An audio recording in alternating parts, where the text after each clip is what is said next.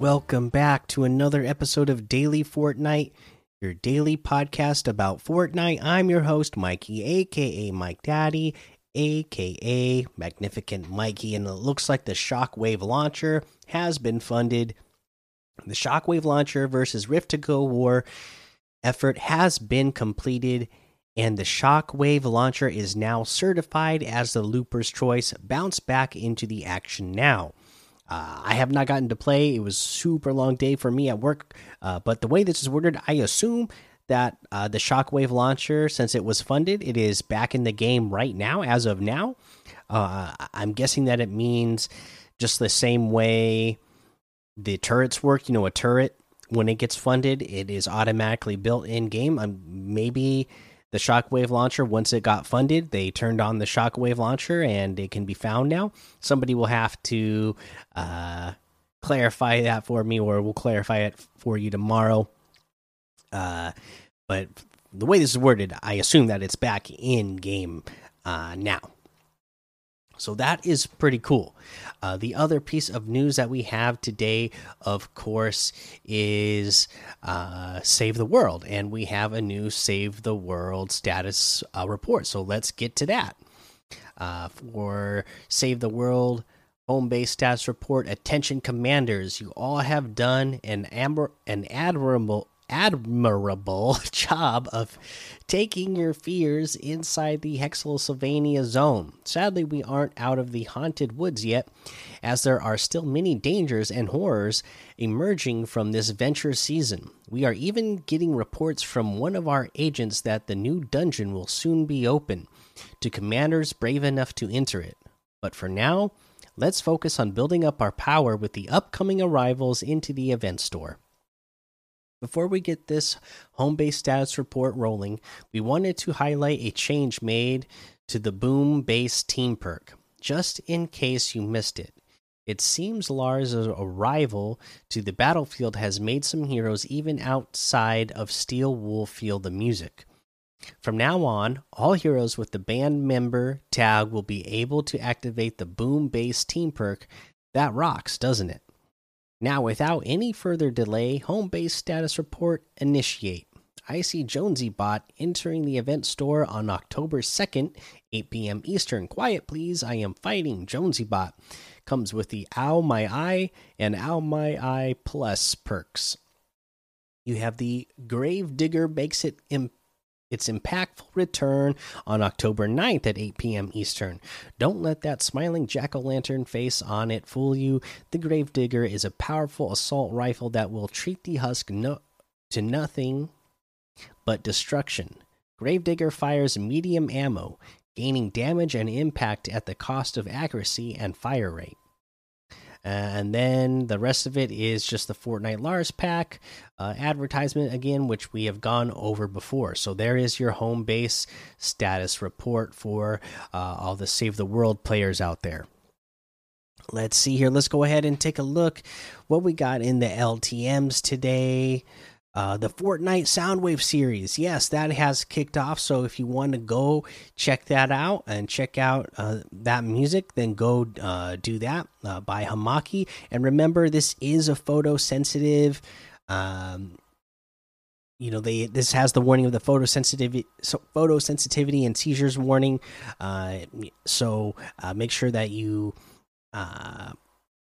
you know are cautious about that when entering this if you have any sort of uh you know uh sensitivity to that. Um they also have high school rpx trick or treat uh floor is lava disarmed outlaws haven paint guns uh, Pro Red versus Blue Bounty, Steampunk Realistics FFA PvP with zones, uh, Tilted Zone Wars XA names off. 100 Red versus Blue Rumble, and a whole lot more to be discovered. Let's head over to the item shop and see what we have in the item shop here today. Looks like uh, we have Uh, the spooky stuff from yesterday, the Halloween items from yesterday are still here in the spooky offer section. The Venom bundle and items are still here. The Turn Up the Music stuff is still here from yesterday. The Bandit Taxes Locker bundle is still here. And then today we have the Abstract outfit with the Tag Bag back bling for 1,500. The Deadlock outfit with the Hack Pack back bling for 1,200. Which Way emote for 500 the Lilt Elomer emote for 500, Fright Funk emote for 500, Treat Yourself emote for 500, Zombified emote for 500, the Fright Flame Wrap for 500. Oh man, that's that would be a pretty cool one, right? If uh if you got those wrap outfits the other day, I, I imagine this one would look really cool on that outfit. Uh, let's see here. We got the uh, Eco outfit with the Globy backbling for 1,500. The Devourer's Bane harvesting tool for 800. Jawbreaker outfit with the Containment Unit backbling for 1,200. Stickers harvesting tool for 800. Bright Bomber outfit for 1,200. Bright Gunner outfit with the Bright Bag backbling for 1,500. Rainbow Smash harvesting tool for 1,500. Bright Blimp gliders 1,200. We have Everybody Loves Me emote. This is a new emote. Open your textbook to chapter 7. This is 500 V Bucks. Cool dance, cool music. Uh, so check that out. Uh, we also have, uh, let's see here, the Good Doctor outfit with the Chemist Curiosities back bling and the Morph Juice emote for 1,500. Again, uh, I just love the Halloween themed spooky outfits, so good to see these back. The Arcane and Dagger harvesting tool for 800. The Spooky Team Leader outfit with the Goody Gourd back bling for 1,500. The Birdie outfit is 800. Driver harvesting tool for 500. And that looks like everything today. So you can get any and all of these items using code Mikey M M M I K I E in the item shop, and some of the proceeds will go to help support the show. Okay, uh, like I said, uh, I I I cannot 100% confirm that the Shockwave launcher is actually back in the game now. The way this is worded, it makes me assume that it is. And if it is, you know, this is a great weapon to take height on, shoot it straight down at your feet so that you can. Uh, jump straight up and take height on somebody or just quickly burst through a bunch of their builds and knock them down quickly um, that's just some of the things that you can do with this and then once i 100% confirm this is back in game tomorrow.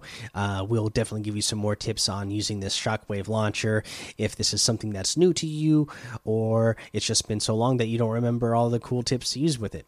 Uh, but for now, that's the episode for today. So make sure you go join the daily Fortnite Discord and hang out with us. Follow me over on Twitch, Twitter, and YouTube. Head over to Apple Podcasts, leave a five star rating and a written review for a shout out on the show. Make sure you subscribe so you don't miss an episode. And until next time, have fun, be safe, and don't get lost in the storm.